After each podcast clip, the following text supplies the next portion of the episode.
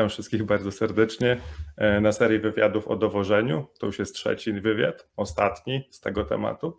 I dzisiaj się spotykamy z Olą Kunysz. E, I Ola jest dla tych, co, znaczy wątpię, że ktoś nie wie, kim jest Ola, ale Jasne. na pewno przedstawić. E, Ola jest programistką, głównie pisze w Java, w Javie, przepraszam, ale to nie, ale to nie tylko. W ramach szkoły testów uczy, jak pisać dobre testy jednostkowe ale też nie tylko, bo też ma inne kursy tam. E, mhm. Jest autorką książki Kierunek Jakość, o której będę chciał o nią chwilę zaczepić przez chwilę. Jest blogerką, podcasterką, e, występuje na konferencjach branżowych i wiele osób mówi, że jest matką chrzestną polskiego IT i niewątpliwą mistrzynią memów. Czy, czy to wszystko, czy jeszcze byś chciała coś dodać? Nie, już nic nie dodajmy może. Y, już, już wystarczy. Kiedyś byłam na konferencji i właśnie tak poproszono mnie o jakieś takie zagajenie, e, co można takiego śmiesznego o mnie powiedzieć. I ja powiedziałam, że mówią na mnie, że jestem matką chrzestną polskiego IT i że to, to miało być takie w formie żartu. I ten, e, ta osoba, która wprowadzała mnie na scenę mówi, Ola mówi o sobie, że jest matką chrzestną polskiego IT. I ja miałam takie, o Boże, to jest najgorsze, co możesz zrobić. To jest tak jakby mówić o sobie, że jesteś ekspertem albo specjalistą najlepszym w swojej dziedzinie. To jest, o sobie się tego nie mówi, ale bardzo dziękuję za te, za te, wszystkie, e, za te wszystkie określenia. No to są same fakty przecież.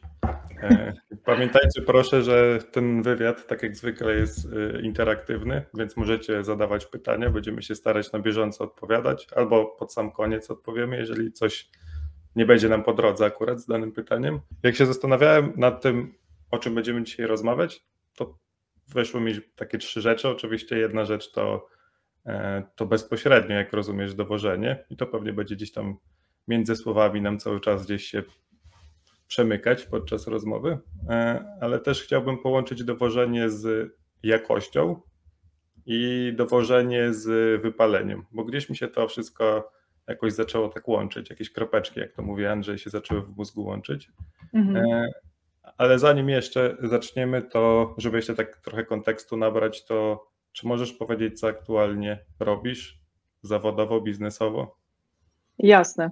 E, ja przez ostatnie dwa lata e, rozkręcałam i działałam w szkole testów i w szkole testów to jest taka działalność edukacyjna, jak sama nazwa mówi. E, uczę pisania testów, dobrych testów, wprowadzam jakość ogólnie do projektów, bo robię też warsztaty na przykład w firmach. E, gdzie gadamy sobie o tym właśnie, dlaczego ta jakość w ogóle jest ważna, bo w wielu projektach nie ma tej świadomości ciągle. E, ostatnio mm, zrobiliśmy taki kurs e, z Anią i Piotrem o testach na frontendzie i to jest świetna sprawa, dlatego że wiele osób gdzieś tam w trakcie mojej działalności w szkole testów mówiło o tym, że ten frontend ciągle gdzieś tam jest taki biedny, jeśli chodzi o testy. No ja jestem ekspertem głównie backendowym, więc tutaj e, wzięłam po prostu najlepszych ludzi, jakich znałam i zrobiliśmy razem e, kursik i na tym kursie też wiele osób właśnie przełamuje te swoje pierwsze takie e, bariery dotyczące pisania testów i, i to jest ta działalność taka edukacyjna, jest też mnóstwo takiej pracy pro bono wokół tego, tworzenia kontentu, tworzenia treści różnego rodzaju. A tak zawodowo ostatnio komercyjnie i mm, tak z powrotem do programowania, tak to nazwijmy, e, to współpracuję z takim amerykańskim startupem. Niestety nie mogę powiedzieć za dużo tutaj, bo to jest e, amerykańska finansjera, ona jest bardzo mocno regulowana i jeszcze nie wiem, co mogę do końca powiedzieć, e, ale to już nie jest Java, tylko to jest .NET, to też jest takie ciekawe przejście, bo pracowałam już wcześniej z .NETem, ale nie wiem, czy tak full time całkiem, a teraz to jest .NET i oprócz tego, że piszę głównie backend, no to Wiadomo, jak jest w startupach, robi się po prostu wszystko. Więc ta, to doświadczenie takiej pracy na swoim tutaj bardzo mocno mi się przydaje. E, ja zdecydowanie lepiej się odnajduję w chaosie startupów niż e, w takich określonych ramach e, korporacyjnych, także jestem w swoim żywiole zarówno w szkole testów, jak i w, w tej mojej nowej pracy. No, fajnie. Z czystej ciekawości, bo ja akurat to prawie zawsze w dotnecie siedzę, że to była mhm. ciekawa mm -hmm. tranzycja przejście z jednego miejsca do drugie, bo na przykład ja pamiętam, że jak mi przyszło coś pisać w Javie, mm -hmm. to miałem mieszane uczucia. Mm -hmm. I, I, rozumiem, że w drugą stronę też mogą być mieszane uczucia, bo to niby wszystko jest podobne, ale jednak, ale jednak niepodobne. No tak, paradygmaty się różnią, trochę inne są narzędzia. Y, ja pracuję trochę z takimi desktopowymi e, w tej chwili aplikacjami, takimi aplikacyjkami nazwijmy to, więc muszę mieć Windowsa na przykład, bo wcześniej pracowałam w dotnecie na Macu, e, więc jest trochę takich, takiego przejścia gdzieś tam poza strefę swojego komfortu, natomiast co do kodu, ja zawsze najbardziej lubiłam logikę biznesową i dla mnie tam jest największa frajda, to żeby dowozić te rzeczy, które są związane z korem biznesu. I to ta technologia jest taka trochę drugorzędna. Więc dla mnie to przejście nie było może takie bolesne, jak na przykład gdybym e, lubiła się zajmować jakimiś takimi czeluściami backendowymi, bo wtedy wiadomo, że te czeluści są zupełnie inne. I jest dużo podobieństw, jasne, to są jakby dwie wiodące, chyba największe, najczęściej używane technologie backendowe, które no mimo wszystko gdzieś tam od siebie zgapiają i inspirują się sobą nawzajem, natomiast e, no nie jest to jota w to samo, e, więc jest, jest to wyjście ze strefy komfortu. Ja jak pierwszy raz miałam do czynienia z dotnetem, jeszcze wtedy na Macu, jeszcze wtedy nie było Visual Studio na Maca, to wtedy pamiętam, że to było bolesne, natomiast teraz to, to, to było trochę łatwiejsze i nie mam czegoś takiego, że e, ponieważ jestem na przykład e, członkinią Java User Group we Wrocławiu, no to już hejtuję .NET. E, dla mnie, tak jak mówię, język, technologia, frameworki to są sprawy po prostu drugorzędne. Szczegóły implementacyjne, warto je poznawać, warto zdobywać te techniczne umiejętności właśnie po to, żeby dowozić, o, o czym będziemy dzisiaj mówić, ale ja nie, nie, nie kruszę kopii na, na konferencjach i nie, nie kłócę się po prostu nad wyższością jednej technologii nad drugą, bo każda ma swoje wady i każda ma swoje zalety. Tak, nie mogę się bardziej zgodzić. Dokładnie tak jest. Wszystko zależy od zastosowania. Czasami, mm. czasami jeden język bardzo góruje, ale tylko w swojej niszy, a, a w innej niszy już nie jest taki mocny. To normalna sprawa. Zgadza się. Właśnie, to co to znaczy dowozić według Ciebie? Czy jest jakaś taka ogólna odpowiedź na to pytanie, czy się nie da. Bo Rafał i Adrian tak nie mogli znaleźć takiej mocno zunifikowanej odpowiedzi na to. Bo to jest bardzo trudne pytanie. To jest jedna z tych rzeczy, której się nie tłumaczy, tylko się jej używa. I to jest taka trochę klątwa wiedzy, takie coś, co, do czego my um, nawykliśmy z, z, latami doświadczenia. I ja zawsze, jak dostaję takie pytanie, to mam taki error w głowie. E, kiedyś dostałam pytanie, co to jest na przykład logika biznesowa. I naprawdę potrzebowałam mnóstwo czasu, żeby się zastanowić, jak to dobrze wytłumaczyć osobie, która nie wie, co to jest, bo my używamy właśnie takich rzeczy. E, no, gdzieś tam mamy te implicity pochowane u siebie w głowie i wiemy skąd, znaczy nie wiemy skąd to wiemy, ale wiemy, że wiemy i jest to dla nas oczywiste. I właśnie dowożenie jest jedną z takich rzeczy. Ja miałam taki, ale jak co to jest dowożenie? To jest dowożenie. I wiesz, jakby się zapętliłam trochę w tym, ale podeszłam jakby do tego pytania trochę z innej strony. E, jakby co musi być spełnione, e, żeby to dowożenie miało miejsce? I tak się trochę nad tym zastanawiałam i, i takie dwie rzeczy, które mi um, tutaj gdzieś tam pojawiły się w głowie jako pierwsze, bo ja zazwyczaj jak mam takie trudne pytania, to zadaję je sobie gdzieś tam głośno, czy, czy, czy nie, czy zapisuję je sobie na kartce i po prostu to zostawiam i gdzieś tam pozwalam, żeby ten mózg prędzej czy później wrócił do mnie z tą odpowiedzią i zazwyczaj wraca, no i wrócił. I wrócił z tym, e, że, że, że to kojarzy mi się z transparentnością, z taką, z tym, że, że moja praca jest przezroczysta, to znaczy, że wszyscy wiedzą, co ja robię, to, co Scrum powinien nam na przykład zapewniać, ale niekoniecznie, bo, bo gdzieś tam jesteśmy w stanie utknąć w tych e, procedurach, zamiast się zastanowić, po co tak naprawdę są na przykład te stand-upy czy te retro, e, więc e, mm, ta transparentność to jest pierwsza rzecz, a druga rzecz to jest zaufanie bo dowożenie to znaczy no, po prostu budowanie tego zaufania. I, I, inaczej, moim zdaniem, zaufanie nie można zbudować jak tylko pracą i właśnie tą transparentnością tej pracy. Bo mm, ja spotkałam się z wieloma osobami, które miały na przykład z nadania e, jakieś stanowisko, i w momencie, kiedy mm, coś tam nie grało, mm, jeśli chodzi właśnie o transparentność, jeśli chodzi o budowanie zaufania w zespole, e, to nikt tak naprawdę ich nie szanował. Znaczy ja mówię o takich relacjach jakby, że ktoś jest, nie wiem, liderem z namaszczenia, czy jakimś menedżerem i tak samo jest w zespole, tylko że tego tak bardzo nie widać, bo nie no to się nie przekłada bezpośrednio na, nie wiem, jakieś takie rozmowy one-to-one, czy na podwyżkę, czy na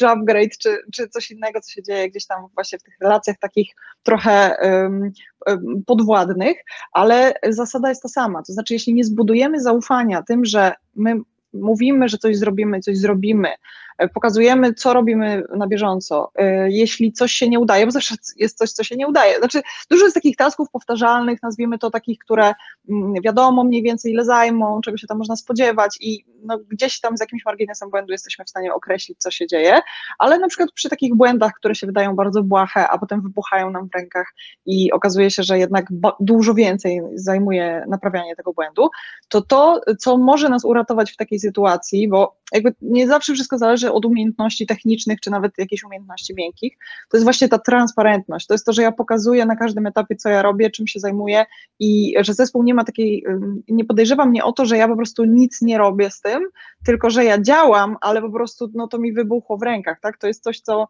co wymaga trochę więcej pracy niż wydawało się na początku. Mieliśmy fenomenalną dyskusję właśnie ostatnio na Java User Group we Wrocławiu, bo ja miałam prezentację o jakości.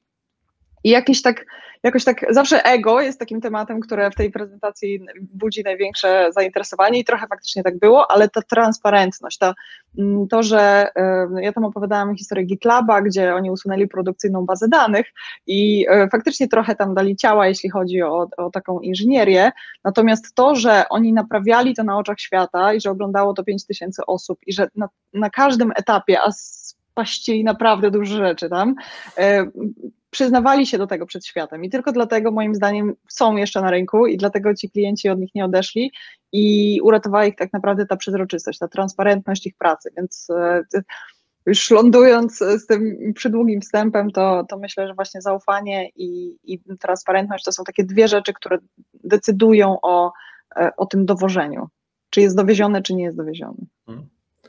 To widzisz, to jest w ogóle bardzo ciekawa sprawa, bo mi się zawsze dowożenie kojarzyło z jakimś takim wielokrotnym dowożeniem, czyli to jest mhm. kilka tam skończonych rzeczy. A to, co ty mówisz, albo, albo może to źle rozumiem, ale chyba dobrze rozumiem, to, co ty mówisz, to dowożenie to jest taka ciągłość, po prostu ciągłość tak. pracy i ciągłość jakości może?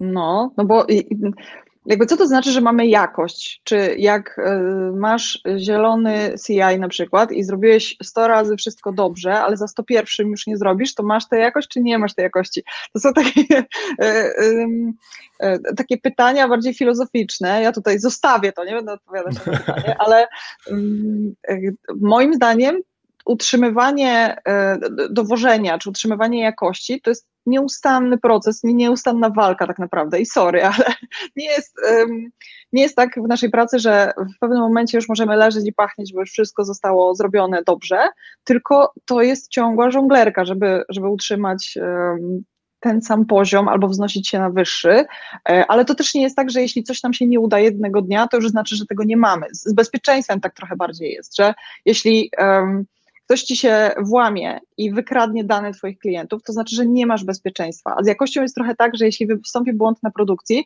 i tego naprawisz, to ciągle jesteś w stanie to zaufanie odbudować. No nie? To nie jest tak, że, że tej jakości nie ma, tylko dlatego, że tam był jeden czy, czy dwa incydenty. Wiadomo, że są takie incydenty, że, że popłynie cała firma, ale y, większość z nas jednak pracuje w takich projektach, gdzie tych błędów jest sporo. Y, my się do tego trochę przyzwyczailiśmy, klienci się do tego trochę przyzwyczaili i mimo tego można powiedzieć, że, że dowozimy całkiem niezłej jakości soft na produkcję i Mm, no to też nie jest tak, że dzisiaj przestaniemy dowozić, znaczy, że dzisiaj przestaniemy dbać o, o tę jakość i jutro też będziemy dowozić, tylko dlatego, że dowoziliśmy przez ostatnie 10 lat na przykład, więc dlatego dla mnie to jest właśnie taka ciągłość.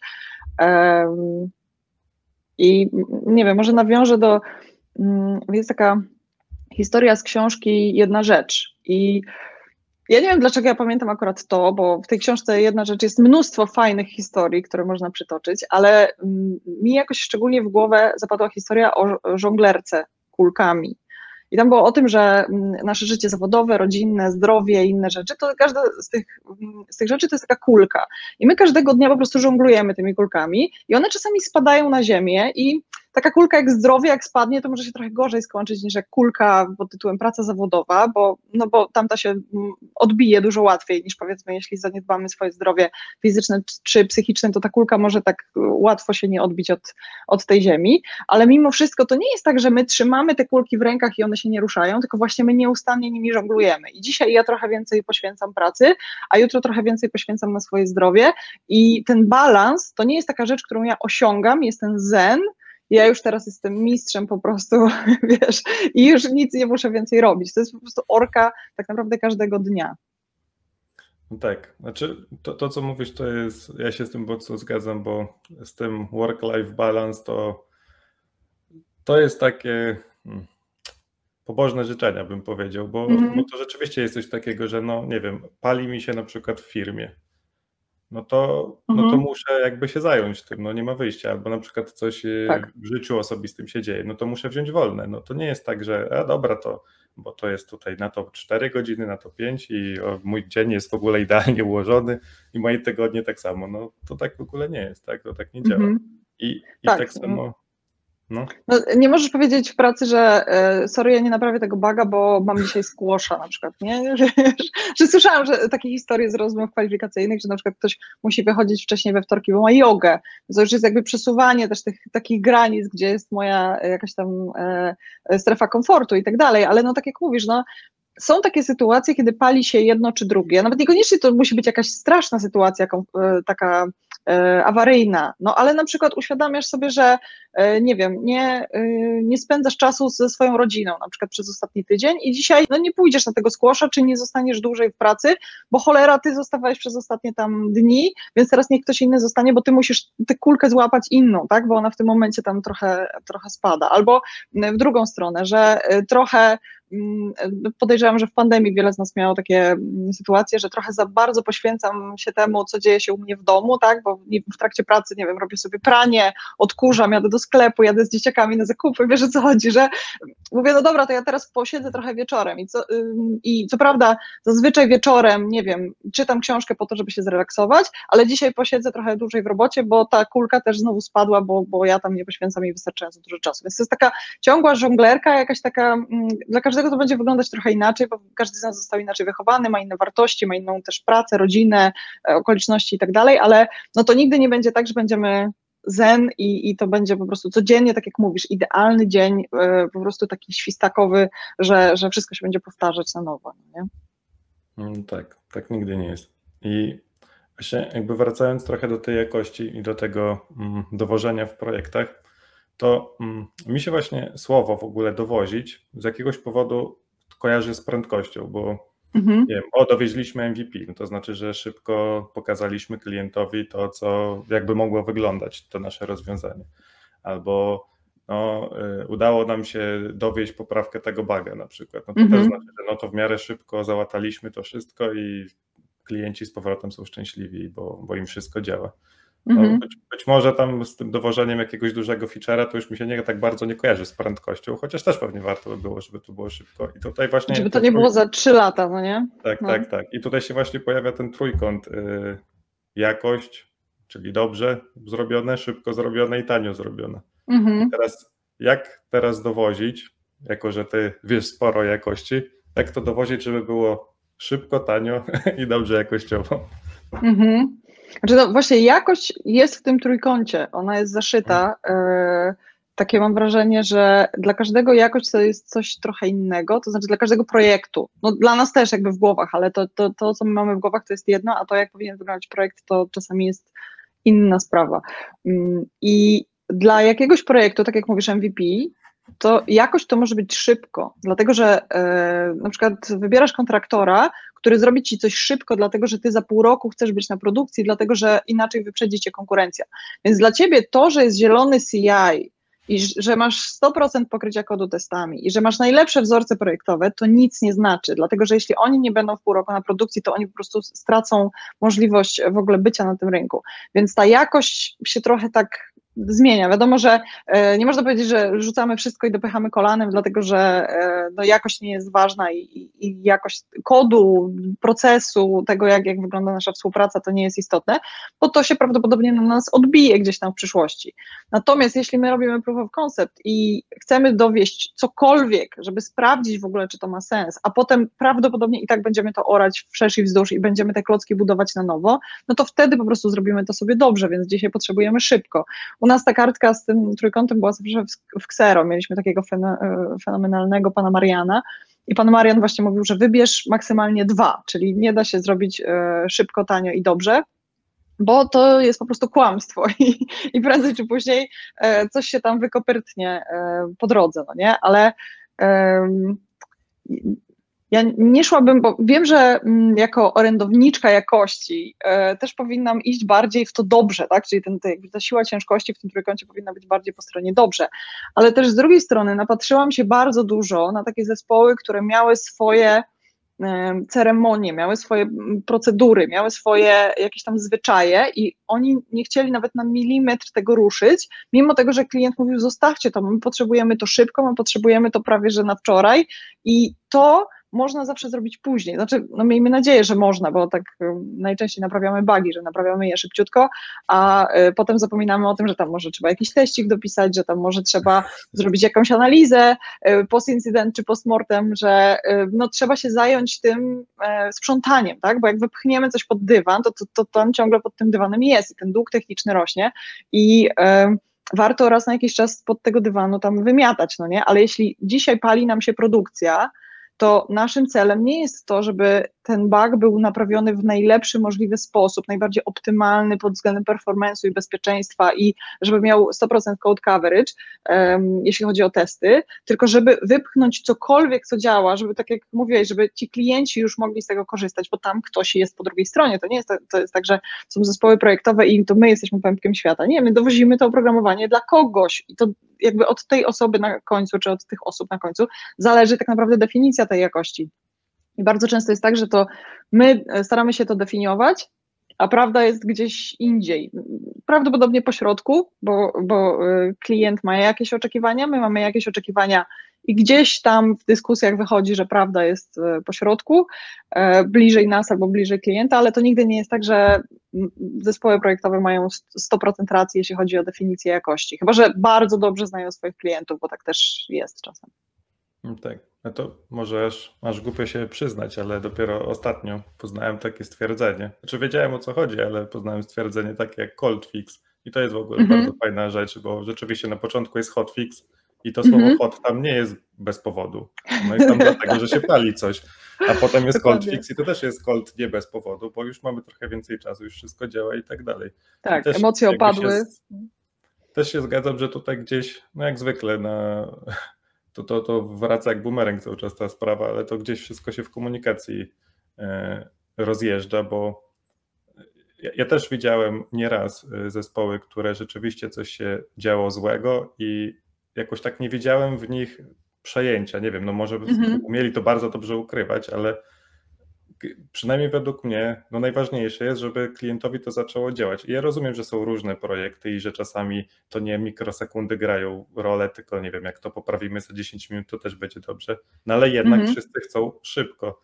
To nawet y, Andrzej Krzywda ostatnio pisał maila o jakimś tam koledze, który pracował w jakimś sieci y, sprzedawania, nie wiem, jakiejś restauracji czy coś i tam nagle się okazało, że w niedzielę nie da się sprzedawać.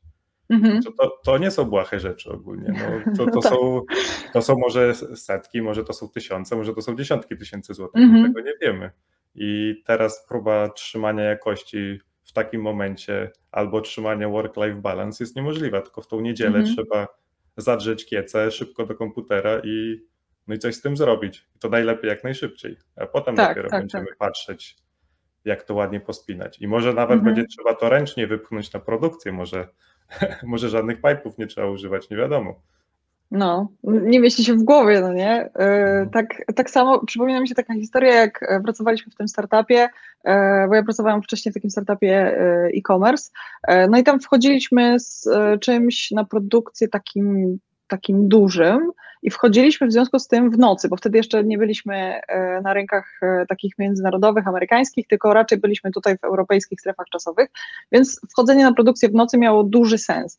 No i było tak, że mieliśmy po prostu, e, mm, umówiliśmy się kto kiedy, no bo ja na przykład wolę wstać o czwartej czy o piątej niż siedzieć powiedzmy do drugiej, bo, bo dla mnie ten zegar jest w tę stronę przestawiony, ale na przykład mój kolega, który jest DevOpsem, w ogóle mam wrażenie, że większość DevOpsów żyje bardziej w, jako sowy, no to on siedział do rana. No i zrobiliśmy sobie takie dyżury i każdy z nas gdzieś tam coś, bo to tam trochę było pracy, ale przede wszystkim chodziło o to, żeby siedzieć, monitorować, patrzeć po prostu na to wszystko, co się tam dzieje, bo też nie mieliśmy jakiegoś takiego systemu monitoringu, który był jak bardzo dojrzały, bo jeszcze po prostu nie zdążyliśmy go zbudować, więc po prostu musiał być tam człowiek, który siedzi i patrzy, czy, czy nic się tam nie wywaliło, bo to były no, po prostu pieniądze, które moglibyśmy stracić w momencie, kiedy znaczy nawet nie my, tylko nasi klienci, no ale w związku z tym my stracilibyśmy klientów, więc to też nas dotyczyło bez, bezpośrednio. I gdyby ktoś kazał mi przez pięć miesięcy codziennie wstawać o piątej rano i pracować, to bym się nigdy w życiu na to nie zgodziła i ten mój work-life balance tutaj na pewno by jakby się nie zmieścił w tym. Natomiast jeśli to są jakieś takie pojedyncze akcje, coś płonie na produkcji, decydujemy się, że wchodzimy na produkcję w innych godzinach niż zazwyczaj, to jeśli to są jednorazowe akcje i zespół bierze to na klatę i mówi, OK, to, to my się teraz tym zajmiemy, to to jest zupełnie inna sytuacja, ale. Ym, bo, można spojrzeć na to tak, nie no, jak to pracowaliście w nocy, nie? Co na to tam kodeks pracy, nie? Co, co na to tam inne rzeczy, ale ym, Prawda jest taka, że, że, gdyby to były marsze śmierci, gdyby to było coś takiego, co trwałoby bardzo długo, że my byśmy nieustannie byli wzywani do bugów na produkcji, na przykład w niedzielę wieczorem, czy w sobotę wieczorem, nie wiem, siedzisz sobie na mieście, czy, e, czy oglądasz Netflixa e, i wiesz, nagle ktoś do ciebie dzwoni i masz naprawiać, mm, no to gdyby to trwało tygodniami, to prawdopodobnie byśmy się po prostu zawinęli z tego projektu, albo byśmy to odchorowali w jakiś, w jakiś inny sposób, bo też ludzie różnie reagują. Ja jestem na przykład um, bardziej ekstrawertyczna i um, nie mam problemu z tym, żeby wyrażać jakieś tam swoje rzeczy e, i też mm, od razu przechodzę do, do konkretów i, i jak coś mi przeszkadza, to jestem w stanie o tym opowiedzieć, ale mam mnóstwo takich e, znajomych, z którymi pracowałam, którzy raczej to biorą do siebie i wybuchają po prostu, jak już mają totalnie dość, albo się po prostu zwalniają z pracy. Więc ludzie też różnie gdzieś tam taką codzienność, e, na, na, taką codzienność reagują. I w takich projektach, w których właśnie są marsze śmierci, no to te osoby, które mają dużo większą lekkość w tym, żeby mówić o problemach, czy to podczas, nie wiem, retrospektywy, czy, czy w takim codziennym po prostu, w takiej codziennej pracy, e, no to trochę mm, ta siła ciężkości jakby jest po ich stronie, żeby o tym wszystkim opowiedzieć, żeby też wyciągnąć od innych te informacje, e, jak to wygląda z ich perspektywy, żeby po prostu ta praca była dla nas taka no fajna, z wyzwaniami, jednak z poczuciem odpowiedzialności, e, ale no, żeby to nie, też nie było tak, że my się zacharowujemy i że te wszystkie inne piłki spadają nam na ziemię, bo my tylko dzierżymy tą jedną piłeczkę pod tytułem praca zawodowa. No, nie? No, no właśnie, to, to, jest, e, to jest ciekawy temat, bo ja wiem ogólnie o czym mówisz, że niektórzy ludzie to zbierają do siebie, bo ja ogólnie jestem bardziej introwertyczny i ja ogólnie to też zbieram do siebie i nie wiem, być może jakoś mogę sobie lepiej zazwyczaj nad tym zapanować, ale nieraz widziałem, jak ludziom się ulewało po jakimś mhm. czasie i to zawsze wygląda bardzo brzydko, tak, takie ulewanie tak. się. No. I to zazwyczaj się właśnie źle kończy i to, i to gdzieś właśnie z tym wypaleniem się y, wiąże, bo właśnie jak się tak dowozi cały czas właśnie za szybko i może za mało jakościowo i tak dalej, i to trwa, i to trwa, i to trwa, i się w sobie gromadzi, no to tak jak mówiłeś, często jest tak, że ludzie po prostu porzucają te projekty i, i mi się nie wydaje, że to jest najlepsze rozwiązanie na całym świecie. No, y, mhm. Wiadomo, że w IT to nie ma takiej tragedii, no zawsze się jakoś tam zmieni tą pracę. E, być może nie w dwa tygodnie, bo ma się tam jakieś, załóżmy, swoje wymagania, no ale tam miesiąc czy dwa powinny wystarczyć w zupełności żeby zmienić pracę, czy projekt mhm. na jakiś inny. I no właśnie, oprócz tego, co powiedziałeś, że warto rozmawiać o tych problemach, to, to jeszcze może jakieś rady? Może bardziej dla introwertyków? Mm, jakby ja zazdroszczę introwertykom tego takiego wglądu w siebie, takiego monitorowania wszystkiego na bieżąco. Przynajmniej tak wynika z tych rozmów, bo ja nie jestem e, jakby e, kształcona w, psychologii, więc mówię to bardziej z takich no gdzieś tam rozmów przy kawie w projektach. E, to jakby ta świadomość taka i to takie właśnie mm, ta świadomość tego, kiedy te moje granice są przesuwane, kiedy one już są naruszone, czy to jeszcze jest moja strefa komfortu, czy już nie, to ja tutaj na przykład potrafię się dużo bardziej zagalopować. Ja się mogę rzucić w coś, w jakiś projekt, E, robię wszystko, bo to mnie nakręca, e, poświęcam dużo moich innych rzeczy, moje życie prywatne, moje zdrowie i tak dalej i dopiero budzę się trochę z ręką w nocniku, bo jestem taka roz, rozpędzona, nie widzę tego, że moje granice już dawno zostały przekroczone i nagle jest takie po prostu zero energii, zero siły i ja dlatego właśnie otarłam się o wypalenie zawodowe, bo ja tak się cieszyłam moim projektem i tak mi było w nim super i tam były takie wyzwania i dużo rzeczy się działo, działo i na pewnym momencie po prostu mówię, kurde, to mi nie, już nie sprawia radości, a sprawiało i co gorsza, mnie nawet myśl o tym, że ta kolejna praca miałaby być, że ja bym poszła na jakąś rozmowę, gdzieś zmieniła pracę, to w ogóle mnie nie ekscytowało, więc wiedziałam, że coś jest nie tak, no i y, podjęłam tam kroki, żeby, y, żeby z tego wyjść i na szczęście z tego wyszłam, ale mogłoby się skończyć równie dobrze tak, przez, to, przez te moje takie um, um, jakby ten, ten, mój sposób działania, taki bardzo ekspresyjny i bardzo taki do przodu, że po prostu w pewnym momencie by mi zabrakło tej, tej bateryjki i wtedy już by się nic nie dało z tym, z tym zrobić. Ale tak jeszcze wracając do tego dowożenia, bo tak naprawdę to wypalenie może dwie strony zadziałać, bo jedna strona jest taka, że my ciągle e, dowozimy kiepskie rzeczy, kiepskie jakościowo i faktycznie nam to przeszkadza, no bo umówmy się, że no nie wiem, z 90 parę procent e, e, inżynierów w IT to są ludzie, których ja znam, którzy są bardzo ambitni i chcą dowodzić dobre rzeczy. To nie są ludzie, którzy przychodzą na kilka godzin do pracy, idą do domu i mają to gdzieś, tylko to są ludzie, którym naprawdę zależy na tym, żeby ta ich praca miała jakiś wpływ, miała jakieś znaczenie. Więc takie osoby w momencie, kiedy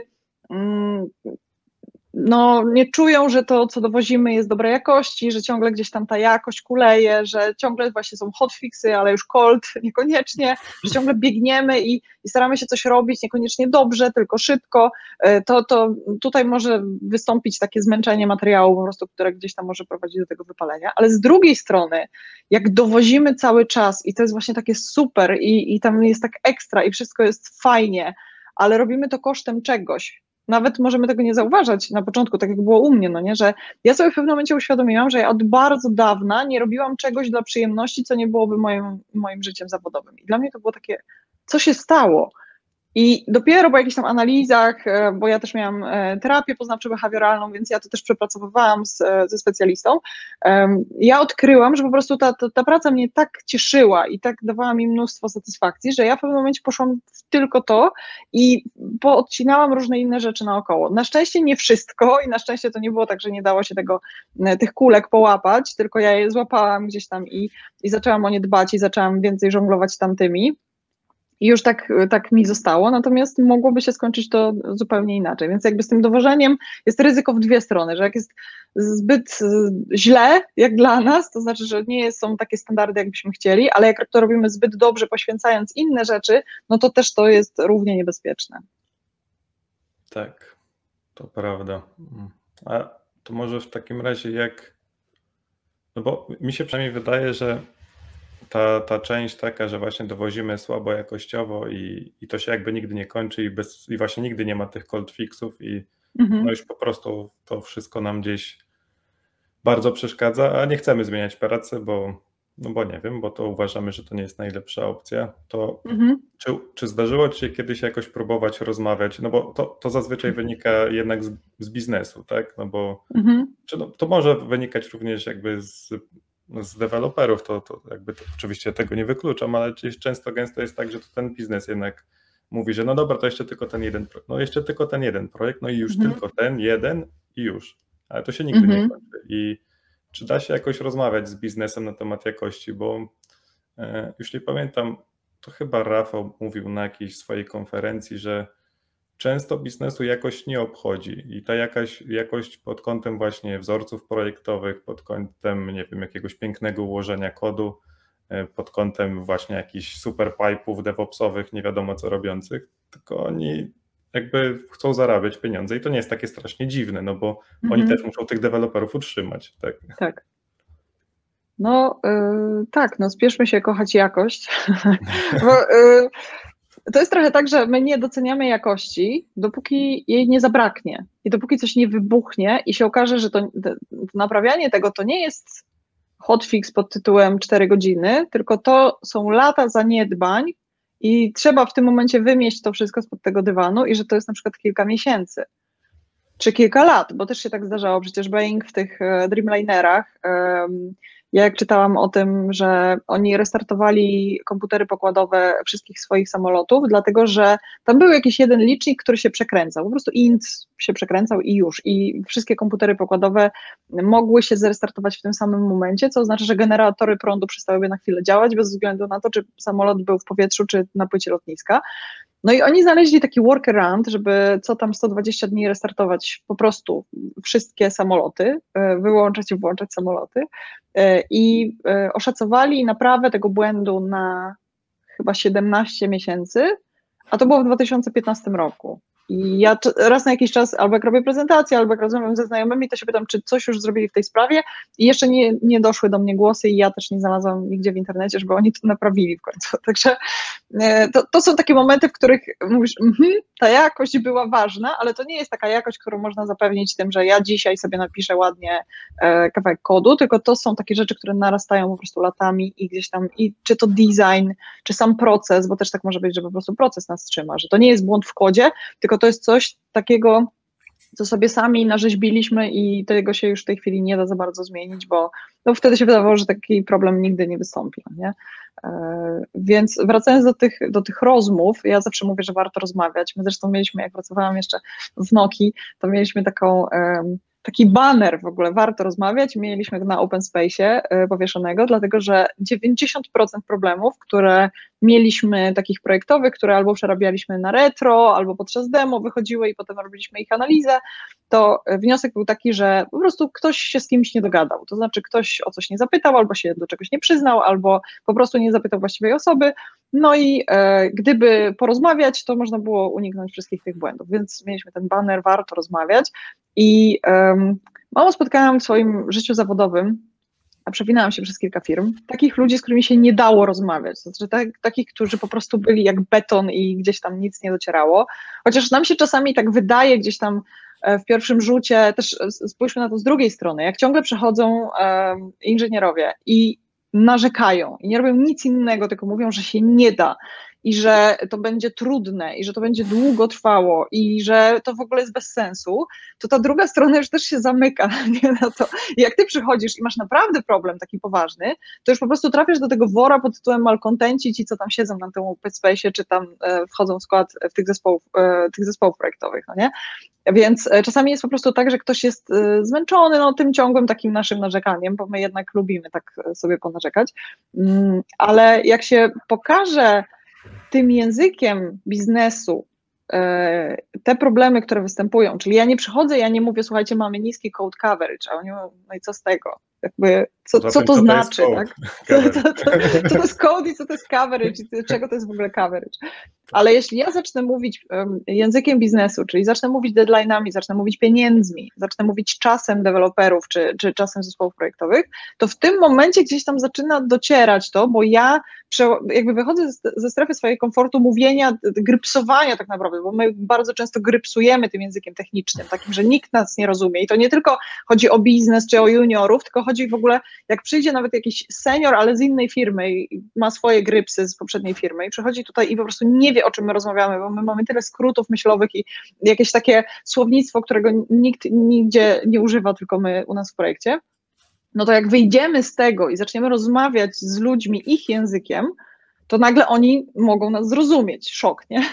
Ale e, kiedyś słuchałam takiego podcastu um, um, Biznes Myśli chyba, to Władimir e, prowadzi i on dotyczy machine learningu ogólnie.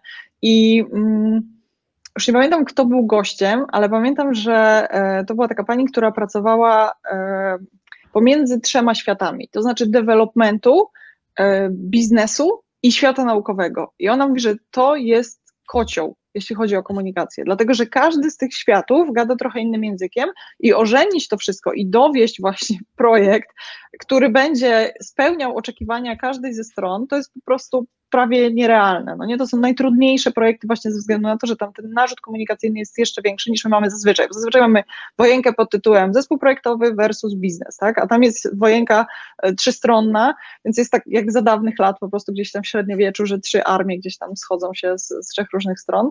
E, no i nie jest to wcale takie proste i o ile my bardzo chętnie podchodzimy do szlifowania umiejętności technicznych, o tyle soft skillsy no nie jest to jakoś szczególnie ani oblegany, mm, nie wiem, oblegana ścieżka na konferencjach, ani jeśli chodzi o warsztaty, to tego nie ma tak dużo jak innych warsztatów, czy nawet o kursy online. Jak zobaczysz na ofertę e, w polskim IT, to 90% kursów to są kursy techniczne jakieś, bo dlatego, że ludzie po prostu są gotowi za to też płacić i e, widzą w tym wartość, że wpiszą sobie do CV na przykład, że nauczyli się pisania e, testów na przykład w Selenium, czy nauczyli się pisać testy jednostkowe w Javie. A to, że nauczyli się na przykład dawać feedback na warsztatach soft skillsów, to jakby jakby ciężko nam sobie w ogóle to wyobrazić, że można to wpisać w CV, no nie? Bo to jest coś takiego niemierzalnego, a tak naprawdę to są rzeczy, które decydują o tym, czy my dowozimy, czy w tym projekcie jest jakość, czy my się potrafimy dogadać z biznesem i tak dalej. E, więc tutaj nie wiem, czy to wynika z tego, że my uważamy, że jak ktoś jest technicznie dobry, no to jest lepszą kastą niż jak się na przykład potrafi dogadać z, z zespołem czy z biznesem, czy może to wynika z tego, że właśnie nie mamy tej świadomości, tej pokory, że komunikacja jest po prostu cholernie trudna. I tak jak się uczyliśmy tam przez ileś lat tego programowania, czy testowania, czy, e, czy zarządzania, czy no, różnych takich rzeczy, które, które są namacalne, mamy jakieś certyfikaty, znamy jakieś języki, no nie, możemy sobie coś wpisać w CV, to tyle samo czasu powinniśmy poświęcić na to, żeby uczyć się rozmawiać z ludźmi i e, komunikować w dobry sposób i właśnie dawać feedback, czy e, mówić o trudnych tematach, czy dyskutować w sposób kulturalny, bo tak jak użyłeś przedtem takiego stwierdzenia, że się komuś ulało i tak bardzo często wy, wygląda wyglądają te dyskusje, że się ulewa dwóm osobom i po prostu jest jak w piaskownicy, no nie? Jeszcze brakuje takich grabek, żeby się tak walili po głowach, a tak naprawdę można by było to rozwiązać jak dorośli ludzie, ale nikt ich tego nie nauczył, albo oni się tego nie nauczyli gdzieś tam wcześniej, no nie? Tak. Tutaj dotknąłeś w ogóle kilku bardzo ciekawych kwestii tak naprawdę w tym no. wszystkim. Ja, ja, się, ja się ogólnie przede wszystkim tym bardzo zgadzam, e, na przykład z tym, że że ja, ja sobie ukułem taką teorię na temat tego, że ludzie się nie chcą tych soft skillsów uczyć. E, mhm. Być może dlatego, że właśnie na samym początku tej drogi w IT to przynajmniej według mnie najważniejsze są te skille techniczne i je trzeba jak najszybciej ogarniać. No bo nawet jak się jest tam po studiach czy, czy coś, no to wiadomo, że tam nikt programować cię nie nauczy. Może cię nauczyć mhm. myśleć albo, albo jakiś tam podstaw, ale prawdziwego programowania uczysz się w pierwszej firmie najlepiej w pierwszej, czasami w drugiej, no bo w pierwszej to różnie bywa. E, Zdarza się, no. I, I wtedy musisz ten swój skill techniczny szlifować cały czas i wtedy rzeczywiście jakby te certyfikaty, być może jakieś tam jakieś kursy techniczne i tak dalej, to wszystko jest spoko, bo tak przez pierwsze 4-5 lat, no to widzisz jak twoja kariera leci, nie? Cyk, cyk, cyk, mhm. o, byłem juniorem, teraz jestem midem, o teraz mi coś dali, w ogóle mój projekt i tak dalej, i tak dalej. Mhm. Ale później, według przynajmniej mnie, znaczy to, to też te ścieżki seniorskie to są w ogóle, to jest całkiem inna para kaloszy ogólnie, ale y, często jest tak, że też właśnie ktoś za, przez zasiedzenie dostanie tego seniora czy coś takiego, a, a tak naprawdę, przynajmniej znowu przynajmniej według mnie, tego seniora powinno się dostawać za to, że ma się szersze spojrzenie, a ma się mhm. szersze spojrzenie nie techniczne, tylko szersze spojrzenie w ogóle na projekt, że to nie tylko mhm. są technikalia, tylko to jest do, dookoła tego mnóstwo innych rzeczy i tutaj już te soft skillsy mocno wchodzą. Tak. E, ale one właśnie nie są tak bardzo mocno promowane i tutaj najważniejszym tych soft skillsem jest gdzieś ta komunikacja. Ja nawet na blogu raz napisałem taki artykuł, chyba pięć powodów, żeby skończyć bełko 2IT, coś takiego, jak mm -hmm. tak nazwałem specjalnie, przewrotnie, ale, ale ludzie czytają to dobrze, to znaczy, że dobry jest tytuł. E, tak, googluję. No. Tak, i, i, tam rzeczywiście jest coś takiego, że mm, to, to oczywiście też jakby pewnie jest ściema, bo to wszystko Einsteinowi teraz jest przypisywane, ale ktoś kiedyś powiedział coś takiego, że jeżeli ktoś nie jest w stanie czegoś prosto wytłumaczyć, to znaczy, że tego nie rozumie. I tak dla wszystkich, którzy nas słuchają, daję wam taką, takie zadanie, taką pracę domową.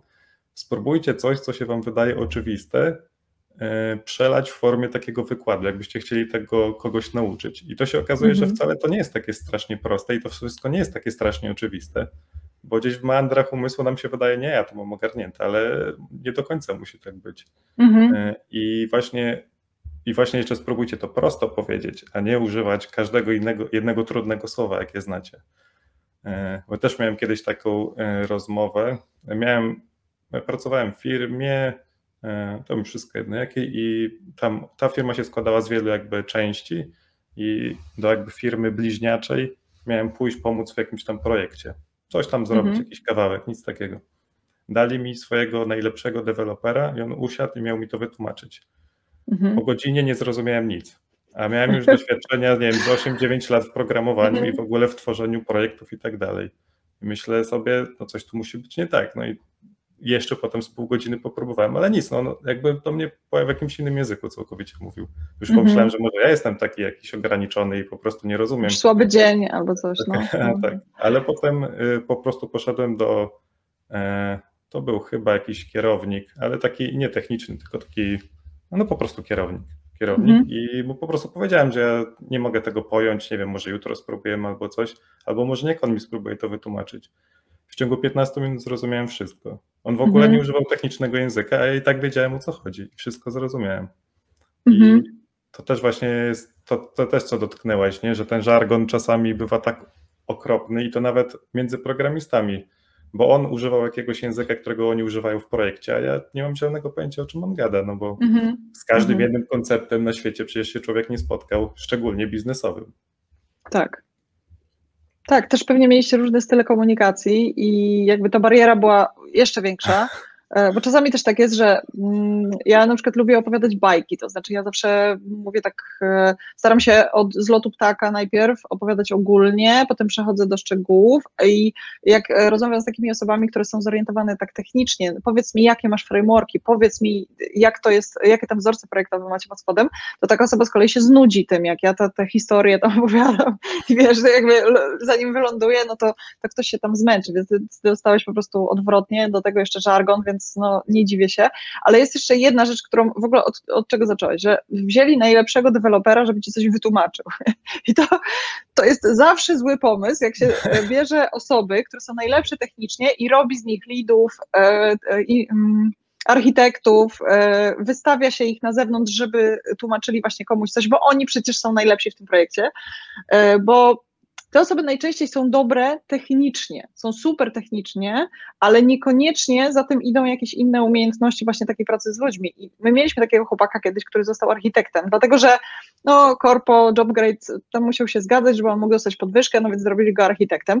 I on był najbardziej nieszczęśliwy na świecie, bo musiał połowę swojego czasu spędzać na spotkaniach, nie mógł dewelopować tak jak wcześniej, to było full time, e, a nie za bardzo lubił ludzi i nie za bardzo ludzie go też lubili, no bo przez to, to, to jakby jest zazwyczaj dwustronne. To jest dwie strony działa, tak. Tak, e, więc e, nie pamiętam, czy oni mu zmienili jakby te, te obowiązki, czy zmienili mu stanowisko, ale to było tak bardzo widać, że to jest zły pomysł, bo on najszczęśliwszy był, jak mógł pisać kod. Natomiast um, było wiele innych osób, które nadawały się bardziej e, jakby tak, jeśli chodzi o umiejętności właśnie miękkie, ale też takie ogólne pojęcie o projekcie, bo umówmy się, żeby programować dobrze, to nie musisz znać każdego szczególiku z projektu, e, tylko po prostu musisz dobrze ogarniać e, daną sytuację, w której jesteś i szybko dewelopować te rzeczy, które, które, które masz w swoim zadaniu. I on właśnie miał dokładnie te umiejętności, był najlepszy z nas wszystkich, jeśli o to chodzi.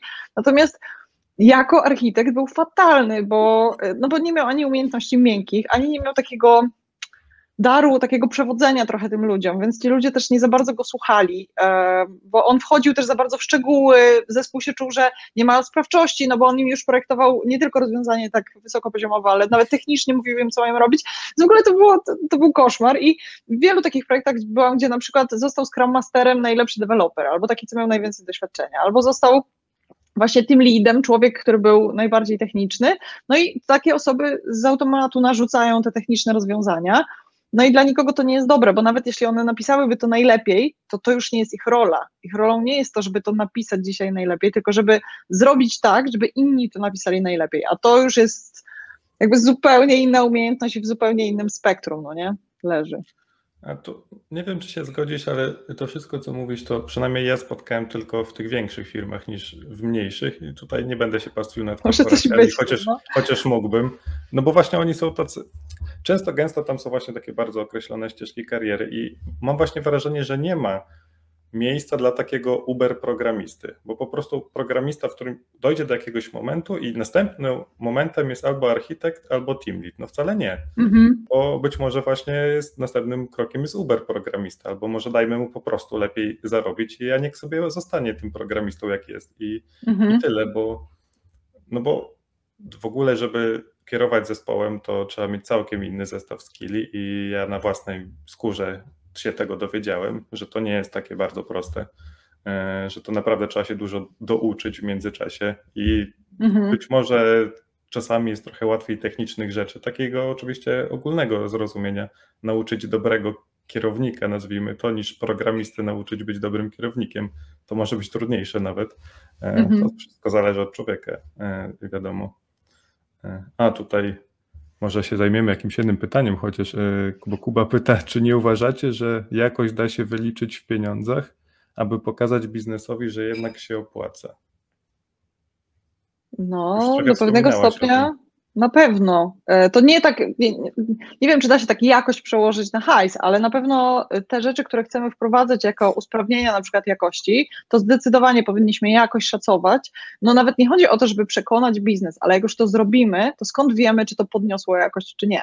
Musimy to jakoś mierzyć, no nie? Musi być jakiś benchmark, żebyśmy byli w stanie się do czegoś odnieść, bo to też y, o tym bardzo często zapominamy w zespołach, że chcemy jakichś usprawnień, bo um, coś tam przeczytaliśmy w książce, czy um, ja śmieję się, bo od razu mam tutaj z tyłu głowy taki argument, kiedy który pada w momencie, kiedy już nie masz żadnych innych argumentów, nie jesteś w stanie niczego wyszukać takiego typowo dla Twojego projektu i mówisz, bo wujek Bob tak mówi.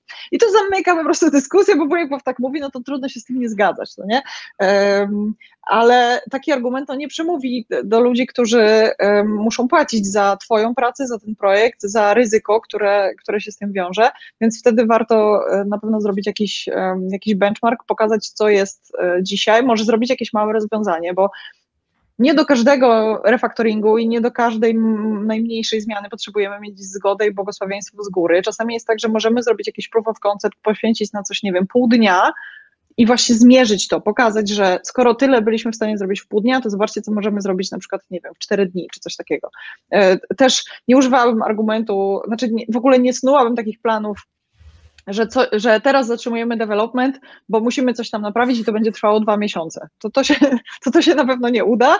I tutaj warto jest tak trochę myśleć jak, mm, jak właściciel po prostu firmy.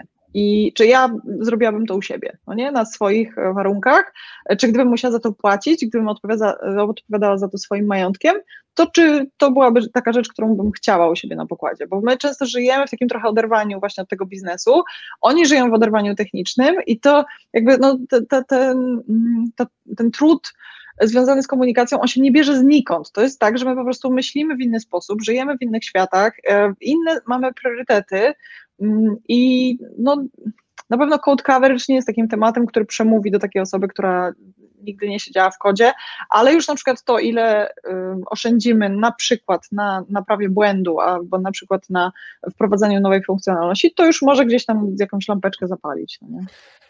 Tu też pewnie trzeba trochę więcej mm, odwagi, być może wśród y, programistów, bo mm, czasami no, o tym się trudno rozmawia i być może trudno się czasami przyznać, no bo na przykład można powiedzieć, że no słuchajcie, no już powinniśmy dopisać trochę więcej tych testów, bo co ja nie robię jakiegoś mega feature'a, to wybucha trzy rzeczy dookoła mm -hmm. tego, no bo ja po mm -hmm. prostu no, wprowadzam jakieś regresje, no i nawet nie wiem o tym, że wprowadzam, -hmm. bo to mhm. tak się wszystko ze sobą łączy i wiadomo, że z jednej strony kod mógłby być trochę bardziej odizolowany i by było też pewnie lepiej, no ale załóżmy, że nie jest, no więc może te testy są jakimś tutaj, aha i, i czasami jest y, trochę trudno się mm, przyznać właśnie do czegoś takiego, no bo ktoś sobie może pomyśleć, no to przecież on jest słabym programistą, no za co się nie, za co się nie złapie, to w ogóle trzy, trzy inne ogniska rozpala. Ale to nie jest tak. tak. do końca, że to jest zły programista, no po prostu nie da się wszystkiego przewidzieć, a czym mhm. projekt jest jakby grubszy, tym gorzej.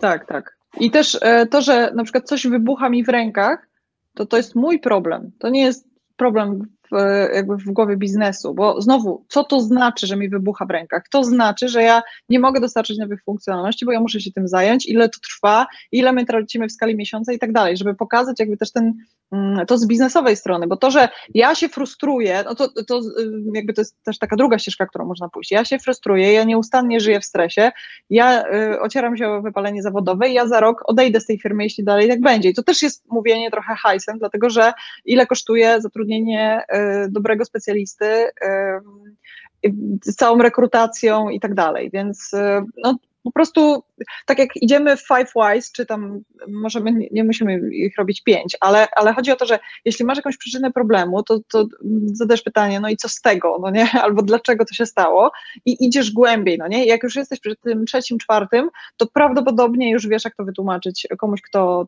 totalnie nie, nie jakby nie komunikuje się tym sposobem, co zespół techniczny, no nie. Mhm. Tutaj Michał zadaje pytanie, czy biznesowi należy pokazywać, ile zaoszczędzą? Oczywiście. jeśli, jeśli jest taka miara, to, to jest zawsze dobry pomysł. E, to nie znaczy, że oni się na to zgodzą. To nie znaczy, że oni to łykną po prostu e, bardzo chętnie, ale no, jeśli takie są priorytety i jeśli to jest coś, co ich interesuje, no to to jest argument, który zdecydowanie może przemówić. Tak, i to mi się od razu skojarzyło z czymś takim, czego nie polecam ogólnie. Jeżeli na przykład, no bo jeżeli na przykład idziecie po awans albo po podwyżkę, no to też trzeba mieć dobre argumenty. I mhm. argumentami może być na przykład to, że o, zrobiłem taką funkcjonalność i wiem, że dużo klientów korzysta, więc to są jakby realne jakieś pieniądze dla firmy i tak dalej. E, mhm ale to też można pokazać, ile mogą zaoszczędzić, ale nie pokazywałbym, że no, bo wiecie, bo jak odejdę, to zaoszczędzę. jak nie odejdę, to tak. zaoszczędzicie 50 kafli na rekrutacji. To ja bym nie szedł w tą stronę. No nie, no w ogóle argument pod tytułem rzucam papierami to jest argument, którego możesz użyć tylko raz, no nie? No tak. I tak wracając jeszcze do tych ale zmian to... w projekcie to nawet jak go żyję jeszcze raz i nawet jak to przejdzie, no to ja nie wiem, czy ja bym chciał już pracować w takiej firmie, bo to już wszystko jest takie popalone, już takie. Tak. Już to już nigdy nie będzie to samo. To prawda, to prawda. To jeszcze Michał pyta, czy planujesz napisać kolejną książkę? no, zobaczymy. Chciałabym kiedyś pewnie ją przełożyć na angielski. E, nie wiem, czy dokładnie jeden do jednego, czy jeszcze jakoś bym ją chciała rozszerzyć, bo jakby z książką papierową jest tak, to zupełnie jest inaczej niż z blogiem, bo na blogu zawsze możesz coś poprawić, znaczy jakiegoś fiksa na produkcję puścić, natomiast jak wypuszczasz książkę papierową, to ona już taka jest i taka będzie na wieki wieków amen. I po prostu e, trochę to jest ciężkie dla twórcy, że nie można już tam nic zmienić w środku, ale jest to jednak ogromna satysfakcja, żeby taką książkę wypuścić, e, więc myślę, że tak, nie wiem, czy bez względu na to, jakby czy, czy e, przetłumaczę kierunek jakoś na, na angielski, czy nie, to chciałabym też kiedyś napisać jakąś bardziej miękką książkę. Może o wypaleniu, może o jakichś takich rzeczach związanych właśnie z rozwojem, ale to, to, to jest, jest, na pewno pieśń przyszłości. Tak, to jest w ogóle ciekawy pomysł. Mi, mi, też cały czas takie rzeczy chodzą po głowie, ale e, tak jak właśnie wcześniej mówiłaś, że, że nie jestem tak do końca przekonany, czy to IT jest gotowe, i to, mhm. to nie znaczy, że nie można przygotować IT na przykład i pokazać, że, to, że jest się gotowym, bo e, tak samo jak e, Adam e, Overment i Grzesiek, oni mam wrażenie przygotowywali to IT dwa lata do tego, że ta automatyzacja jest potrzebna tak. i teraz wszyscy się jarają automatyzacją, ale to nie jest mhm. przecież nic nowego, to już było od jakiegoś czasu i być może jakąś taką pracą u podstaw i nie wiem, blogowaniem i wywiadami i mailami i różnymi rzeczami, tak powolutku, powolutku pokazywać, że te skille miękkie mają jakieś znaczenie. No to, mm-hmm. Nie wiem, y, y, Krzysiek, y, znaczy Krzysztof, przepraszam, woli jak jest Krzysztof, Krzysztof Jędrzyca, on, on na przykład bardzo dużo w tym siedzi i on jest co najmniej ze dwa razy mądrzejszy ode mnie, jeżeli o to chodzi. I ja się, nie, ja się dziwię, że jakby wszyscy w Polsce go nie znają, bo on naprawdę mówi mądre rzeczy i naprawdę fajnie je przekazuje. Pisze bardzo fajnie, a y, nie ma to takiego ultra przełożenia. On ma swoje zasięgi, ale nie tak jak ktoś pokazuje, jak w JavaScriptie pisać od podstaw. Tak, albo jak jest nowa biblioteka gdzieś tam, no nie? Mhm. E, no też mnie to zawsze dziwi, bo ja jestem e, e, u Krzyśka na newsletterze i ja bardzo często mu odpisuję, Boże, jakie to jest genialne w ogóle, jakie to jest proste, jakie to jest genialne. Mhm. I on faktycznie ma e, web do tego i jeśli ktoś chce się uczyć takiego bycia takim dojrzałym inżynierem, bo to nawet nie chodzi o umiejętności miękkie, tylko to chodzi o to łączenie wszystkiego do kupy, no nie, bo on mówi o technicznych i o miękkich, to, to polecamy zdecydowanie tutaj newsletter i materiały. E, ja polecam też warsztaty soft skill dla programistów, w których brałam udział w poprzedniej edycji i mi się wydawało, że ja mam bardzo dobre umiejętności miękkie, jak tam szłam, a jak tam byłam już na tych warsztatach, to tak już nie byłam taka pewna tego, więc okazuje się, że, e, że, że mm, to, ten rozwój jest tak, jak, jak mówiliśmy na początku, że to nie jest taka rzecz, której się nauczysz raz na zawsze, tylko że są ciągle nowe rzeczy, y, u ciebie się pewne rzeczy zmieniają, są nowe badania naukowe, na przykład metoda kanapki, jeśli chodzi o feedback, która kiedyś była w ogóle super rozwiązanie i wszędzie jej uczyli i teraz e, już wszyscy się z niej śmieją i, i okazało się, że to nie jest najdoskonalsza metoda. I ja się na przykład o tym przekonałam tak the hard way, bo jak gdzieś tam wrzuciłam jakiegoś, jakiegoś storyska na Instagram i ktoś mi tam podrzucił jakieś badania, co, co, co jest... Um, jakby w długiej perspektywie to jest super, dlatego że się rozwijasz, ale w momencie, kiedy coś wrzucasz i ktoś się z tobą nie zgadza i jeszcze podbija to badaniami naukowymi, no to jest takie trochę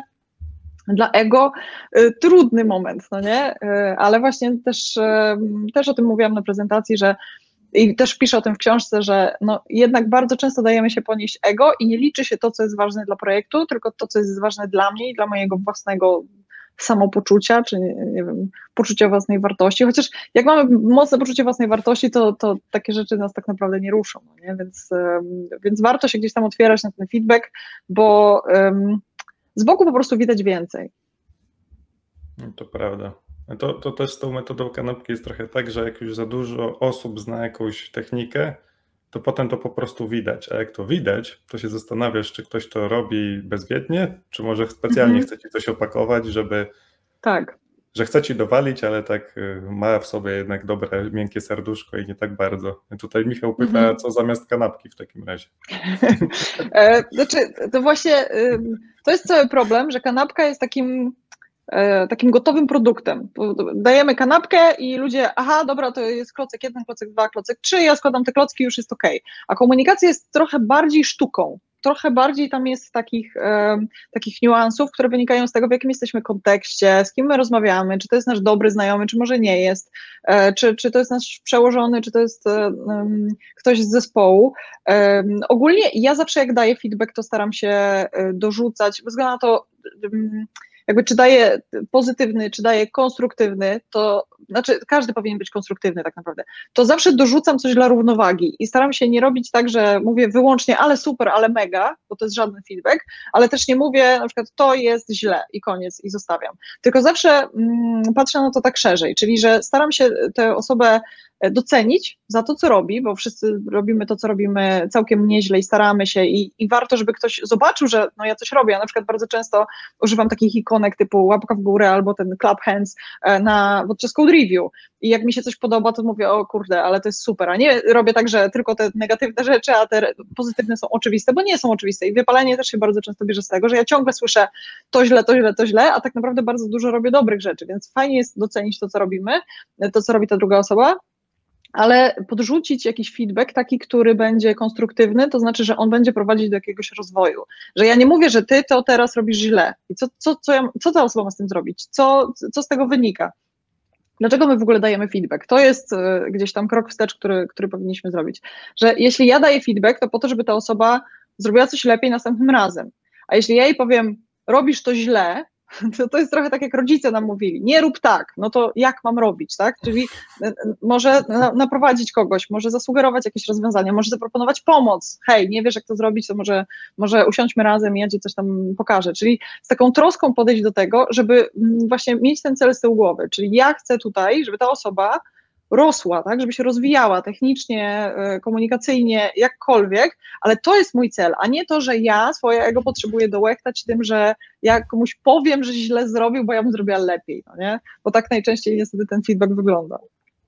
No tak, tak, no to wiadomo, to wszystko działa też w dwie strony, bo to, to tak, to warto ludzi doceniać, warto też, żeby ludzie wiedzieli, że nie mamy aż za każdym razem wszystkiego za złe i po prostu też każdy ma gorszy i lepszy dzień. I, mm. no ale to, to też jest właśnie gdzieś budowanie takiego własnego ego chyba. Też, żeby nie dawać się tak za łatwo, żeby wiedzieć, jaką się ma mniej więcej wartość i pamiętać, co się dowiozło w przeszłości, więc nawet jeżeli któregoś dnia tam ktoś na code review powie, że no czarku, dzisiaj to to konkret, to chyba, to chyba będziemy orać to bo, to, bo to się nie nadaje do niczego, to nie znaczy, że się jest złym, to po prostu znaczy się, że ma się gorszy dzień i tyle.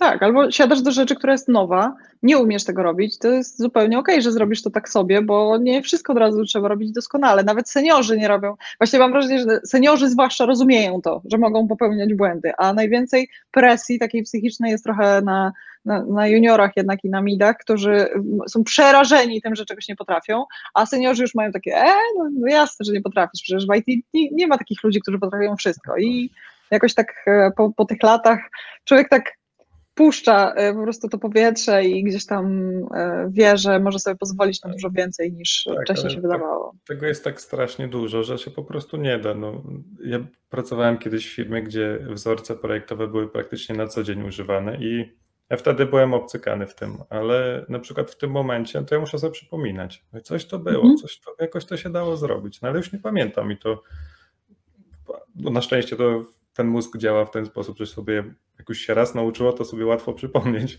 Mhm.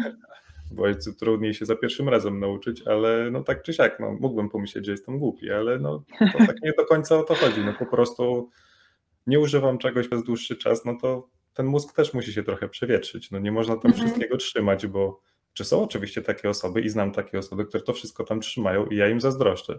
Mhm. Ale pewnie ale mają inne rzeczy, które e, u nich kuleją i zazdroszczą tobie, że ty potrafisz. Także to zawsze jest tak, że trawa jest bardziej zielona, nie? Po drugiej stronie. Tak, tak, dokładnie tak. Dobra, już rozmawiamy ponad godzinę, więc będziemy powoli zawijać chyba. Jeżeli ktoś ma jeszcze jakieś pytanie, to bardzo szybko. E, tutaj jeszcze Michał napisał, że Ola zawsze można zrobić wydanie drugie i na angielski obowiązkowo. Właśnie jestem ciekawy, czy dostałaś. E, bo w ogóle Ogólnie bardzo gratuluję, bo książka to jest naprawdę fajna rzecz. Ja lubię czytać i też zawsze moim marzeniem było to, żeby wydać swoją książkę. Jeszcze nic nie robię w tą stronę, ale, ale może kiedyś, może kiedyś.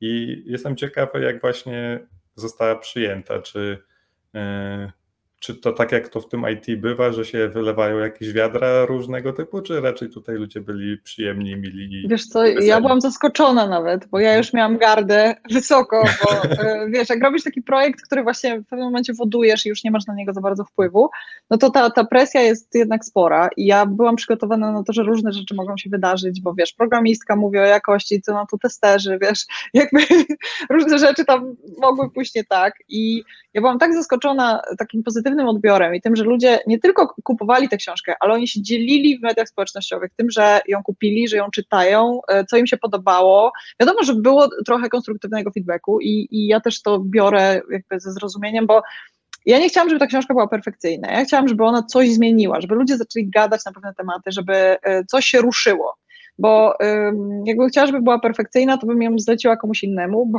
bo ja nie, nie umiem robić rzeczy perfekcyjnie, bo ja po prostu mam fixed price, to znaczy mam e, jakąś tam określoną ilość e, czasu i zakładam, że zrobię jakiś projekt w tym czasie. Wiadomo, że to nigdy nie jest tak 100%, że tam się zmieszczę, no nie, ale z książką tak było, że, że wiedziałam, że mogę jej poświęcić tyle i tyle czasu pomiędzy innymi moimi projektami i to nie będzie tak, że ona będzie tak dopieszczona, że tam już do niczego się nie możesz gdzieś tam przyczepić, więc też wiedziałam, że coś tam pewnie poszło nie tak, co nie znaczy, że się do niej nie przyłożyłam, bo napisałam ją najlepiej, jak potrafiłam w danym momencie, ale to jest tak, ponieważ się rozwijamy cały czas, że już jak ją wypuściłam i już jak dostałam ją w formie papierowej, to już wiedziałam, żebym coś poprawiła. E, to jest trochę tak, jakbym, nie wiem, wypuściła jakąś tam wersję biblioteki, już za chwilę tam już chcesz robić fixa, no nie, i, i chcesz coś tam usprawniać, więc to tak trochę, mm, tak trochę było, ale faktycznie byłam zaskoczona tym takim ciepłym odbiorem społeczności i tym, że bez względu na to, czy ktoś był senior, juniorem, czy, czy gdzieś tam dopiero wchodził do branży IT, to, to, to jakoś ludzie coś tam wyciągali z niej dla siebie i to, był dla mnie to była dla mnie największa wartość, no nie? Że, że ludzie mówią o tej książce, że piszą do mnie na przykład, czego się tam nauczyli, czy piszą w internecie o tym, czego się nauczyli. Ktoś tam zrobił, nagrał w ogóle recenzję na YouTube'a, ktoś napisał o niej na blogu, także naprawdę było super i, i ona bardzo szybko trafiła na listę bestsellerów Heliona i nawet była na pierwszym miejscu przez jakiś czas, także ja byłam w ogóle taka mm, tak ponad było. chodnikami, 15 centymetrów. Jakby nie, nie miałam też złudzeń, że nie wiem, ona będzie drugim clean codem, że tam, nie wiem, no e, wiesz, na wieki wieków zostanie po prostu na pierwszym miejscu, czy coś takiego, ale i tak e, byłam bardzo mile zaskoczona tym, jak została przyjęta właśnie w społeczności, jak jak ludzie na nią zareagowali i przede wszystkim to, o czym mówisz, że, że branża IT bardzo często jest taka trochę gnuśna, nie? Taka, wiesz, że, że, że mogło być bardzo. Mhm. A, a tutaj było tak, ten, ten odbiór był taki bardzo pozytywny i, i taki merytorycznie pozytywny, bo to też jest coś innego, jak wszyscy mówią, ale fajnie, fajnie, fajnie, i nic z tego nie wynika, tylko tam były faktycznie jakieś rozmowy, e, ludzie pisali różne rzeczy gdzieś tam na blogach czy w mediach społecznościowych, widać było, że rozumieją w ogóle, co przeczytali i to jest największa wartość, bo, bo to, że ktoś mówi, ale fajnie, fajnie, e, gratuluję i na tym się to kończy, to wiesz, to jest miło, ale to nie jest e, feedback, z którym możesz coś zrobić, no nie? A jak ktoś ci wystawia konstruktywny feedback, bez względu na to, czy on mówi, słuchaj Olka, bo tutaj w tej książce to ci chyba urwało akapit, czy mówi na przykład, ale super, bo ten rozdział to mi się podobał, bo on akurat w tej firmie, co teraz jestem, to mamy dokładnie ten sam problem, to, to nie ma znaczenia, bo to jest coś, co ja wiem, że na przykład ten temat warto później rozwinąć gdzieś tam w kolejnych jakichś moich publikacjach, czy w kolejnych materiałach, albo wiem, co poprawić następnym razem i na co tam zwrócić uwagę, więc taki konstruktywny feedback jest zawsze spoko, bez względu na to, po której stronie jakby spektrum jest, no nie? Mhm, super. A, a ile się pisze taką książkę? Ile, ile masz czasu. to jest tak, że e, ja rozmawiałam z Helionem od e, marca chyba, od maja pisałam książkę, no i miałam deadline do końca roku. Z tym, że no wiadomo było, że w grudniu napisałam 80%, no nie? Yy, I faktycznie było tak, że wzięłam sobie praktycznie takie wolne na, na grudzień i tam większość czasu spędzałam na pisaniu. I ja pisałam wtedy full time. To było tak, że od rana do wieczora po prostu pisałam. Znaczy, nie, nie, niekoniecznie tworzyłam treści, ale tam też było mnóstwo takiego redagowania, składania tego w jedną całość, poprawiania i tak dalej, yy, jakichś takich merytorycznych yy, sprawdzań różnych rzeczy, czy ja nie kłamie w ogóle w tej książce, bo to by było dla mnie najgorsze. Bo to, że tam, wiesz, jakiś obrazek nie był taki jak trzeba, albo że tam jakiś akapit zżarło, to, to jeszcze mogę z tym żyć. Ale jakbym na przykład okłamała kogoś w tej książce, to ja bym się strasznie źle z tym czuła. I do tej pory jeszcze nie dotarły do mnie takie, takie informacje, że coś tam merytorycznie jest e, nie tak, więc, e, więc to jest dla mnie super. Mm, kilka miesięcy myślę, że no, ona też nie jest jakoś szalenie obszerna, no nie? bo ja mam nawet, to jest. Yy, 170 chyba stron, tak. I, i, i um, to też jest zgodnie z planem. E, to znaczy, ja chciałam, żeby ta książka była taka, że można ją wziąć do na przykład do pociągu czy do samolotu i ją przeczytać i się z nią uporać szybko. Bo z moich doświadczeń czytelniczych e, i doświadczeń moich znajomych wynika, że jak się pisze takie knigi, to one najlepiej się sprawdzają później jako podstawka pod monitor, bo tak naprawdę nikt ich nie czyta od deski do deski, no nie? Więc też to, jakby to ściągnięcie takiej presji z tych autorów, że naprawdę te, te książki techniczne, one nie muszą mieć po 900 stron, żeby były wartościowe, to też e, no nie wiem, u mnie się to super sprawdziło i wiele osób mówiło o tym, kiedy kolejna część, bo się super czytało. No i to też jest ekstra, no nie? To, to ktoś by mógł powiedzieć, że to taki zabieg marketingowy, a tutaj e, wiesz, po prostu dużo rzeczy się poskładało do kupy. Tak. Michał pisze, Ola nie liczy się ilość, ale jakość. To jest Dokładnie.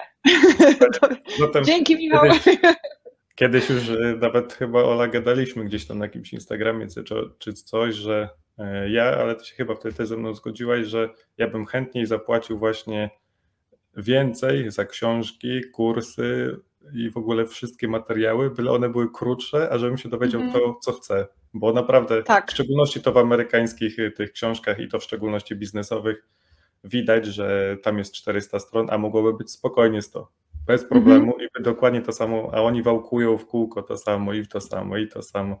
I się czyta, bo, bo się wie, że to jest dobra książka i tam jeszcze pewnie coś w niej jest. I zazwyczaj mhm. jest, ale przedrzeć się przez to to jest uff. To prawda, to prawda, no. To taka książka jest spoko na audiobook, jak sobie gdzieś tam jeździsz tramwajami, czy, e, czy chodzisz na spacer. Natomiast jak czytasz ją na papierze, to masz takie, dobra, ale to już było chyba, nie? To idźmy dalej, nie? Także no to tak, coś tak. faktycznie w tym jest. Ja też lubię na przykład kursy takie, które są takim taką pigułką wiedzy, no nie? Że, że tam, nie wiem, materiały są bardzo krótkie, ja zresztą też e, robię takie kursy, może nie jakoś ekstremalnie krótkie, ale nie przekraczam jakiś tam, no nie wiem, dla mnie jak moduł trwa dwie godziny, to ja już mam takie, kiedy ja to zrobię, a kiedy, kiedy ja to obejrzę w ogóle, a co dopiero jeszcze mówić o, o realizacji tego, wdrażaniu tego w życie, więc e, ja, ja lubię takie szybkie formy, mam takie wrażenie, że my w ogóle z, zmierzamy w tę stronę, bo mamy tak mało czasu, a tak dużo rzeczy chcemy osiągnąć i, i chcemy się nauczyć, jak prowadziłam, e, jak zaczynałam prowadzić szkołę testów, to miałam takie zderzenie z rzeczywistością, że umiejętność tego, czego chcesz uczyć, to jest jedno, umie, jakby ta umiejętność uczenia, czyli sama taka umiejętność edukacyjna to jest inna rzecz. Wokół tego jest marketing, sprzedaż, przygotowywanie materiałów, e, nie wiem, graficznych nawet, nie? robienie stron na różne wydarzenia, czy na jakieś e, sprzedaże i tak dalej. Zresztą sam wiesz, bo, bo, bo też przez to wszystko przechodziłeś. To jest w ogóle miliony różnych umiejętności, które są ci potrzebne i jeśli z każdego chciałbyś realizować kurs, z którego każdy moduł trwa dwie godziny, no to po prostu zrobisz to w 60-40, no nie? To, to po prostu nie ma takiej możliwości, więc ja lubię właśnie takie pigułki i, i sama też w sumie jestem zadowolona z tego, że ta książka taką pigułką właśnie się stała. Tak, także pamiętajcie moi drodzy, jak coś tworzycie, to krótkie, bo wtedy nawet ja będę szczęśliwy, bo sobie na to liście odznaczę dan i będę zadowolony. Jak nawet podzielcie to na cztery części, jak z każdej będę się cieszył, że odhaczyłem. Cyk, cyk. Tak. I ja mam taką tradycję, nie wiem, czy jesteś na nią gotowa, że, Zobaczymy. Że, że moi rozmówcy, zawsze, zawsze proszę moich rozmówców, żeby zostawili wszystkich słuchaczy z jakimś takim przesłaniem, może być dwa zdania, może być 122 zdania, żeby szli i się rozwijali i żeby życie było dobre. Mhm. Mhm, to jest tak, to jest bardzo trudne. U mnie to prędzej jest 122 zdania, ale poczekaj, jak się zastanowię, to może, może pomyślę coś takiego e, krótszego. E, wrócę do tego dowożenia. Zrobię taką klamrę e, tego, mhm. co, o czym mówiliśmy na początku.